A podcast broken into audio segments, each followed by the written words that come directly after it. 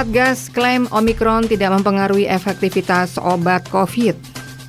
Warga menolak ibu kota negara, masih pandemi, ekonomi bisa merosot. Panglima TNI mengganti nama Satuan Elit Korps Paskas menjadi Kopasgat. Dari kawasan Jalan Jagalan 36 Yogyakarta, segera Anda ikuti Detak deretan Warta Aktual Reco Buntung 99,4 FM. Selamat petang pemirsa, itulah tadi beberapa informasi yang dapat Anda ikuti dalam program Detak. Deretan Warta Aktual Reco Buntung edisi hari ini Kamis 27 Januari 2022. Saya Asik Eka Dewi, segera kita menuju informasi pertama. Detak, deretan Warta Aktual Reco Buntung. Dari CNN Indonesia, Satuan Tugas Penanganan COVID-19 menyebut sifat dan karakteristik varian SARS-CoV-2 B11529 atau varian Omicron sejauh ini belum memberikan dampak pada penurunan efektivitas obat pasien terpapar virus. Juru bicara Satgas COVID Wiku Adhisa Smito menambahkan, kesimpulan itu didapatkan dari hasil penelitian dan rujukan dari sejumlah negara yang dirangkum oleh Badan Kesehatan Dunia WHO. Jadi obat yang dipakai untuk varian sebelumnya masih efektif digunakan untuk pengobatan. Demikian Wiku dikutip dari konferensi pers yang disiarkan melalui kanal YouTube Sekretariat Presiden. Kendati demikian, varian yang pertama kali diidentifikasi di Afrika Selatan ini diakui mampu menurunkan efektivitas vaksin COVID. Selain itu, varian Omikron dipercaya lebih menular karena tingkat mutasinya yang tinggi. Wiku juga menyebutkan bahwa masa inkubasi varian Omikron cenderung lebih cepat dibandingkan dengan yang lainnya, serta peluang terjadinya infeksi ulang atau reinfeksi masih cukup tinggi. Secara terpisah, Direktur Pencegahan dan Pengendalian Penyakit Menular langsung Kementerian Kesehatan Siti Nadia Tarmizi mengumumkan bahwa warga dapat mengakses obat COVID melalui layanan telemedicine yang dapat diakses melalui isoman.kemkes.go.id. Obat gratis yang didapatkan pasien berupa paket A untuk pasien tanpa gejala, terdiri dari multivitamin C, BE, dan zinc 10 tablet, serta paket B untuk pasien bergejala ringan terdiri dari multivitamin C, BE, dan zinc 10 tablet, Favipiravir 200 ml 40 kapsul atau Molnupiravir 200 ml 40 tablet dan paracetamol tablet 500 ml jika dibutuhkan.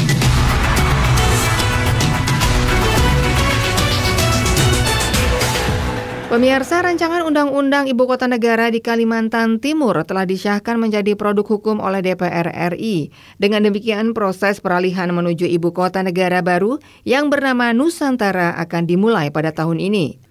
Secara keseluruhan, mega proyek Ibu Kota Negara baru disebut membutuhkan anggaran sebesar 466 triliun rupiah hingga 486 triliun rupiah.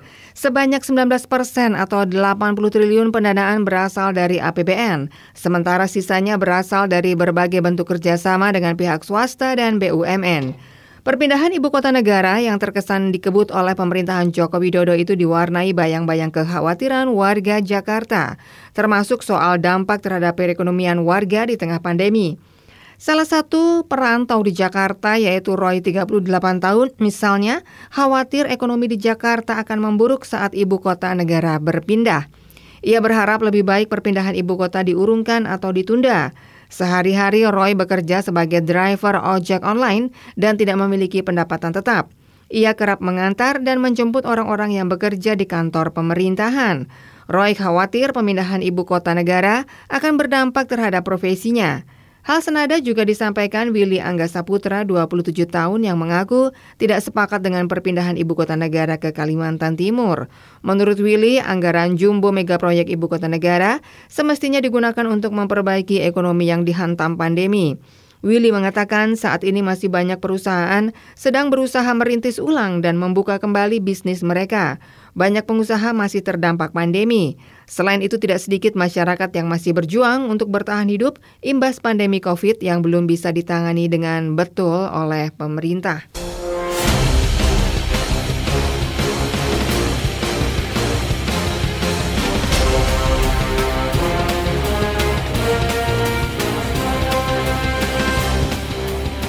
Pemirsa dari Kompas.com, Panglima TNI Jenderal Andika Perkasa mengubah nama satuan elit milik TNI Angkatan Udara, yaitu Korps Pasukan Khas atau Kopaskas, menjadi Komando Pasukan Gerak Cepat atau Kopasgat.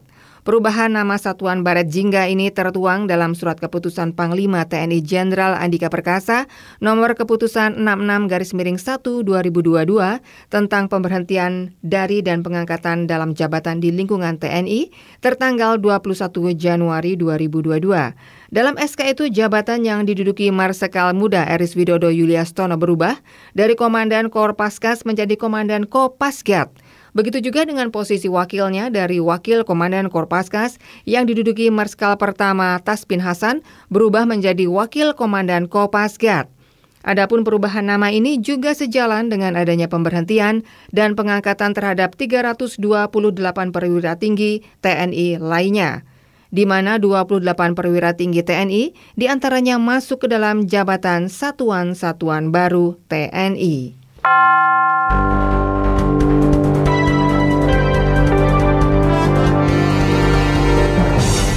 Pemirsa waspada virus corona. Penularan dari manusia ke manusia lewat cairan, batuk, bersin, dan berjabat tangan. Virus ditularkan jika Anda menyentuh cairan orang terinfeksi, lalu menyentuh area mata, hidung, mulut. Gejala-gejala yang perlu diperhatikan: batuk, pilek, sakit tenggorokan, demam, sakit kepala, dan sesak nafas. Hotline Kemenkes terkait virus corona di 021 5210 411 atau 081 2121 23119.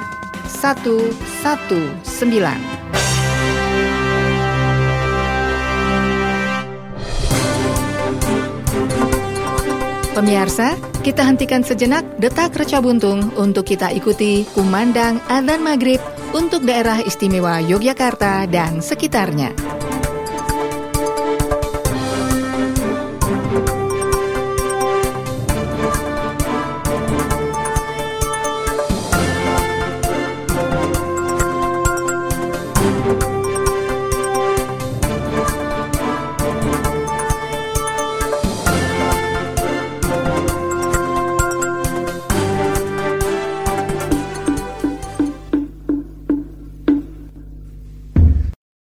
الله أكبر.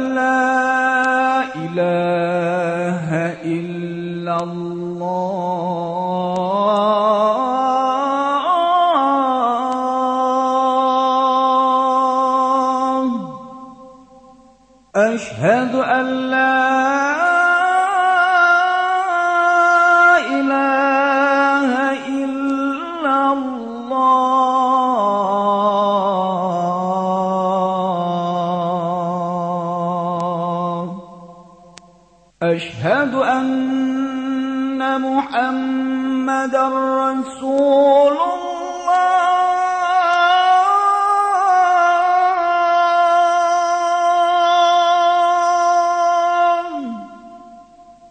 أشهد أن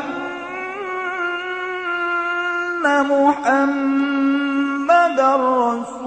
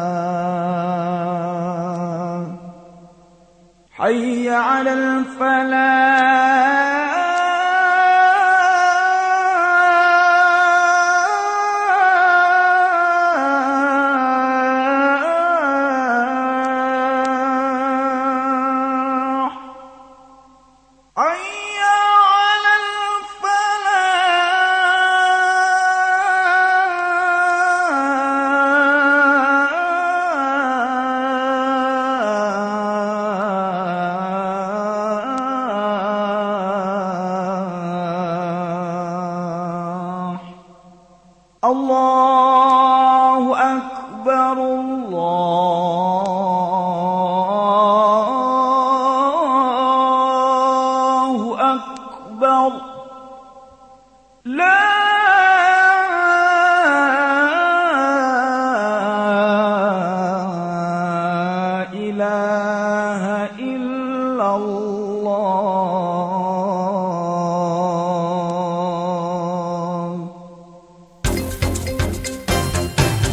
Pemirsa, kembali Anda ikuti Detak, deretan Warta Aktual Reca Buntung. Detak, deretan warta aktual Reco Buntung.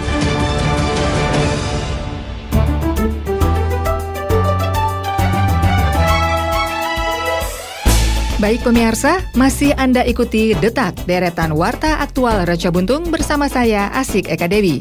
Segera akan hadir rekan-rekan reporter yang akan menyampaikan beberapa berita daerah di segmen Jogja Selintas. Baik, terima kasih rekan Asik Eka Dewi. Pemirsa Jogja Selintas kami awali dari Sleman. Pemirsa kasus COVID-19 di Kabupaten Sleman berdasarkan laporan kasus harian dalam sepekan terakhir kembali meningkat. Selama Selasa 25 Januari lalu bahkan terdapat penambahan 16 kasus terkonfirmasi positif dalam sehari. Kepala Dinas Kesehatan Sleman Cahya Purnama mengungkapkan penambahan kasus cukup banyak tersebut karena munculnya klaster keluarga dari perjalanan luar daerah. Klaster keluarga kembali muncul di Kabupaten Sleman, namun Cahya mengaku tidak hafal di mana domisili keluarga tersebut. Dari 16 kasus positif harian kemarin yang terhubung dari klaster keluarga berjumlah 4 orang dan mereka berawal dari perjalanan luar daerah. Cahya mengaku sudah mengantisipasi adanya lonjakan kasus terutama dengan berkembangnya kasus Omikron. Menko Marves dan Menteri Kesehatan sudah memprediksi bahwa akan terjadi lonjakan kasus COVID-19 pada akhir Februari ataupun di awal Maret mendatang. Satu di antara antisipasi yang dilakukan Pemkap Sleman adalah dengan akselerasi vaksinasi, baik vaksin anak usia 6 hingga 11 tahun ataupun booster. Beberapa sampel dari Kabupaten Sleman juga telah dikirim ke Balitbangkes untuk diperiksa mendeteksi varian Omikron dan sejauh ini diakuinya belum ada laporan konfirmasi Omikron. Namun demikian kewaspadaan dan antisipasi tetap dilakukan. Cahaya mengharap kepada gugus tugas COVID-19 di setiap level untuk menggiatkan kembali pengawasan terhadap pendatang atau pelaku perjalanan dari luar daerah. Ia juga meminta bagi warga yang sudah terkonfirmasi positif agar mau menjalani karantina di isoter yang telah disiapkan pemerintah. Kita beralih ke Kulon Progo. Pemirsa puluhan pelajar di Kabupaten Kulon Progo yang memiliki kelebihan energi mengikuti pembinaan yang dilakukan oleh Kepolisian Resor atau Polres setempat. Pembinaan dipimpin oleh Kapolres Kulon Progo AKBP Muharomah Fajarini pada Selasa 25 Januari lalu. Pembinaan perlu dilakukan untuk mencegah munculnya tindakan negatif di kalangan remaja. Menurutnya, adanya kenakalan remaja disebabkan oleh tiga faktor, di antaranya keluarga, lingkungan pendidikan, dan juga sosial. Ia menyebut sinergi orang tua juga diperlukan dalam membina anak-anak agar mereka yang memiliki kelebihan energi bisa disalurkan secara positif. Fajar ini juga berpesan kepada siswa apabila tidak bisa membanggakan orang tua minimal tidak membuat susah orang tuanya. Baik pemirsa demikian informasi dari Sleman dan Kulon Progo sumber berita dari tribunjogja.com. Saya Maida Mara dan kita beralih ke berita kota Yogyakarta bersama rekan dari Pradita. Silahkan dari. Baik, terima kasih Maida Mara. Pendengar Gubernur DIY Sri Sultan Hamengkubuwono ke-10 memohon kepercayaan para PKL dan masyarakat Jogja dalam upaya membangun Jogja yang makin tertib dan makin indah serta meningkatkan pertumbuhan ekonomi dan peningkatan kesejahteraan masyarakat Jogja. Hal tersebut disampaikan Gubernur DIY Sri Sultan Hamengkubuwono ke-10 pada peresmian gedung X Bioskop Indra Ngupasan yang merupakan teras Malioboro 1 serta gedung X Kantor Dinas Pariwisata sebagai teras Malioboro 2 yang merupakan tempat baru bagi pedagang kaki lima atau PKL Malioboro. Gubernur DIY Sri Sultan Hamengkubuwono ke-10 juga menyatakan bahwa pihaknya akan konsisten dalam membina serta memasarkan lokasi baru para PKL sehingga baik PKL maupun masyarakat diminta untuk tidak terlalu khawatir. Sultan juga menyatakan meskipun Jogja tidak didesain sebagai kota metropolitan, namun ekonomi masyarakat tetap harus tumbuh dan sejahtera. Hal ini didukung dengan adanya bandara internasional dan infrastruktur yang memudahkan wisatawan berkunjung dan berbelanja di Jogja. Sultan juga menyatakan seluruh PKL yang berpindah ke teras Malioboro nantinya tidak akan dipungut biaya atau retribusi apa pun selama satu tahun anggaran. Sultan juga berharap pihak PKL dan masyarakat berkenan terus berkomunikasi dengan pihak Pemda dan Pemkot Yogyakarta apabila menemui sejumlah permasalahan. Berikut petikan penjelasan Gubernur DIY Sri Sultan Hamengkubuwono ke-10. Saya ingin supaya teman-teman PKL itu pindah di sini dengan pemahaman yang sama. Bukan karena fasilitas yang ada di sini yang jadi motivasi, tapi upaya bersama untuk berdagang tumbuh dan berkembang. Begitu dan itu sudah saya sampaikan. Sehingga kami juga sama Pak Wali tidak akan tinggal diam. Kita sama-sama berusaha untuk menyukseskan program ini. Tidak hanya PKL tapi juga kami pun akan menopang nah untuk itu tadi juga sudah saya utarakan.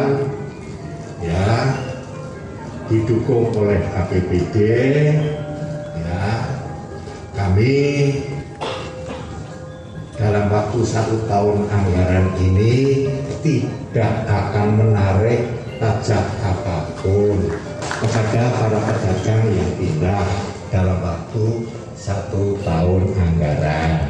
Nanti kita lihat perkembangannya. Demikian juga Kota Madya tidak akan minta retribusi dalam satu tahun anggaran ini. Di sisi lain, Heru Purwadi, Wakil Wali Kota Yogyakarta menyatakan proses relokasi PKL ini tidak membuat Malioboro menjadi berbeda dari sebelumnya. Menurutnya, Malioboro tetap menjadi pusat belanja oleh-oleh, pusat jajanan, dan pusat membuat vlog atau berfoto bagi para wisatawan maupun masyarakat Jogja. Pendengar, tahun 2022 setiap RW di kota Yogyakarta akan memiliki bank sampah. Hal tersebut seperti disampaikan Kepala Dinas Lingkungan Hidup Kota Yogyakarta Sugeng Darmanto pada acara pembekalan fasilitator kelurahan atau Faskel dan Koordinator Kementerian Pengelolaan Lingkungan dan Sampah Mandiri di Kota Yogyakarta tahun 2022. Kegiatan diikuti oleh masing-masing perwakilan dari kelurahan sekota Yogyakarta pada Rabu 28 Januari di Ruang Bima Balai Kota Timoho. Sugeng Darmanto menyatakan, pembekalan Faskel pengelola sampah mandiri bertujuan sebagai pendamping pengelolaan sampah di masyarakat. Dan hingga saat ini 90 Faskel tersebar di 45 kelurahan dengan 14 koordinator yang juga tersebar di 14 kementerian kota Yogyakarta. Saat ini perkembangan jumlah bank sampah di kota Yogyakarta juga mengalami kenaikan rata-rata sebesar 20% setiap tahunnya. Sehingga diprediksi pada tahun 2022 bank sampah di kota Yogyakarta yang terbentuk akan sesuai dengan jumlah RW yakni sebanyak 617 unit. Para koordinator Faskel nantinya akan bertugas mendampingi, melakukan penyuluhan, penguatan kelembagaan, dan monitoring ke sejumlah wilayah untuk memastikan bahwa pengelolaan sampah berjalan dengan baik. Di sisi lain, Wakil Wali Kota Yogyakarta Heru Purwadi menyatakan Saat ini pihaknya mencoba agar sampah yang diproduksi rumah tangga, rumah makan, dan sebagainya tidak harus semuanya dibuang, tetapi bisa dimanfaatkan karena sampai saat ini piungan bukan tempat pengelolaan sampah tapi pembuangan sampah. Oleh karenanya, peran pemerintah dan pengelolaan sampah harus dibarengi dengan kerjasama dari masyarakat dan pihak terkait agar lebih memperhatikan pengelolaan sampah di TPS. Demikian informasi dari Kota Yogyakarta, saya dari Pradita. Segera kita menuju ke rekan Widya Gita. Terima kasih dari Pradita. Pemirsa bersama saya Widya akan saya sampaikan informasi dari Bantul dan Gunung Kidul. Pemirsa Pemkab Bantul terus berupaya untuk meningkatkan capaian vaksinasi dosis ketiga atau vaksin booster. Meski akses vaksin telah dibuka, namun capaian vaksin booster hingga saat ini masih rendah. Kepala Seksi Surveillance dan Imunisasi Bidang Pengendalian dan Pemberantasan Penyakit Dinas Kesehatan Bantul Abed Nego Dani Nugroho mencatat capaian vaksin booster di Bantul baru mencapai sekitar 2,54 persen. Capaian tertinggi adalah tenaga kesehatan di susul lansia, masyarakat umum 2.485 orang, dan masyarakat rentan 881 orang. Sampai saat ini pihaknya belum bisa menarik kesimpulan minimnya masyarakat yang mengakses vaksin booster. Pihaknya sudah membuka seluas-luasnya akses vaksin booster yang dilakukan di kantor Dinas Kesehatan dan juga di puskesmas, termasuk dengan melakukan layanan vaksin jemput bola ke warga yang kesulitan datang ke pusat layanan kesehatan. Capaian vaksin booster tidak bisa dilihat dari capaian total yang sudah mendapatkan dosis kedua karena belum semua yang mendapatkan vaksin kedua memenuhi syarat untuk mendapatkan vaksin booster. Karena minimal harus enam bulan setelah mendapatkan dosis kedua. Dengan kondisi tersebut, Abed menyatakan bahwa penilaian ketercapaian vaksin booster baru dapat dilihat pada enam bulan ke depan sejak vaksin booster diluncurkan di Bantul. Abed menargetkan dalam waktu enam bulan ke depan capaian vaksin booster di Bantul akan tinggi seiring dengan banyaknya masyarakat yang sudah memenuhi syarat. Ia mengimbau agar difabel, kelompok rentan, dan juga masyarakat umum yang sudah memiliki e-tiket atau sudah memenuhi syarat untuk mendapatkan vaksin booster dipersilahkan untuk mendatangi sentra vaksin di kantor dinas kesehatan dan juga puskesmas terdekat. Abed memastikan bahwa stok vaksin booster sampai saat ini aman. Sementara layanan vaksinasi saat ini adalah untuk masyarakat yang menerima vaksin pertama dan kedua Sinovac dan AstraZeneca. Bagi masyarakat yang mendapat vaksin pertama dan kedua Sinovac akan mendapatkan booster setengah dosis AstraZeneca atau Pfizer. Sementara yang dosis pertama dan keduanya AstraZeneca akan mendapatkan booster setengah dari dosis Moderna dan Pfizer. Pemirsa kita beralih ke Gunung Kidul. Badan Pusat Statistik melakukan survei biaya hidup di Gunung Kidul tahun 2022. Program pendataan tersebut baru pertama kali dilakukan di Kabupaten Gunung Kidul. Kepala BPS Provinsi DIY Sugeng Arianto menyampaikan ada banyak manfaat yang bisa didapat dari data hasil SBH baik bagi pemerintah daerah ataupun bagi warga sendiri. Pemerintah Kabupaten Gunung Kidul bisa mengetahui tingkat inflasi di wilayahnya berdasarkan indeks harga konsumen hasil kajian SBH. Begitu pula dalam pengelolaan komoditas yang dinilai perlu mendapatkan perhatian. Dari sisi masyarakat, warga bisa mengadopsi kebiasaan baru untuk membuat perencanaan keluarga sebab SBH turut menghitung pengeluaran rutin rumah tangga untuk kebutuhan sehari-hari. Jadi ke depan warga bisa mengelola keuangannya lebih baik. Ia berharap warga Gunung Kidul yang menjadi responden mendukung program SBH, terutama terbuka dalam memberikan informasi terkait pengeluaran rumah tangganya. Sekretaris Daerah Gunung Kidul Derajat Ruswandono menilai hasil SBH justru bisa membantu mendongkrak perekonomian Salah satunya memperkuat sektor distribusi dan produksi komoditas lokal. Kepala BPS Gunung Kidul Rintang Awan L. Tribakti menyampaikan ada 1.600 kepala keluarga atau kakak yang dijadikan responden. Mereka dipilih secara acak dan tersebar di seluruh Kapanewon. Nah, pemirsa demikian tadi informasi dari Bantul dan Gunung Kidul, sumber berita tribunjogja.com. Selanjutnya kita kembali ke rekan Asik Eka Dewi untuk menyampaikan informasi yang terakhir. Terima kasih untuk rekan-rekan reporter yang sudah mengabarkan informasi di segmen Jogja Selintas.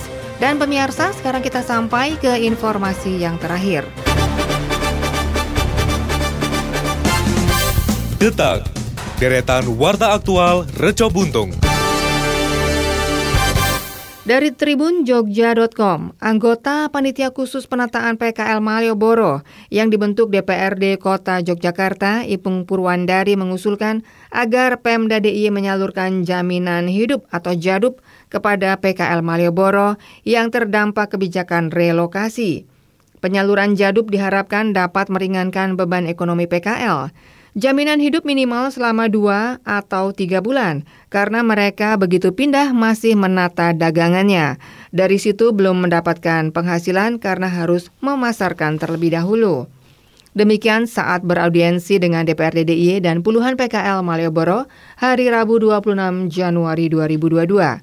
Menurutnya PKL sangat membutuhkan jaminan hidup tersebut. Terlebih sudah dua tahun lamanya para pedagang mengalami kondisi kritis akibat pandemi yang tidak kunjung berakhir. Selain itu, dia juga meminta agar Pemda DIY menggencarkan upaya promosi agar lokasi PKL berjualan bisa ramai dikunjungi wisatawan.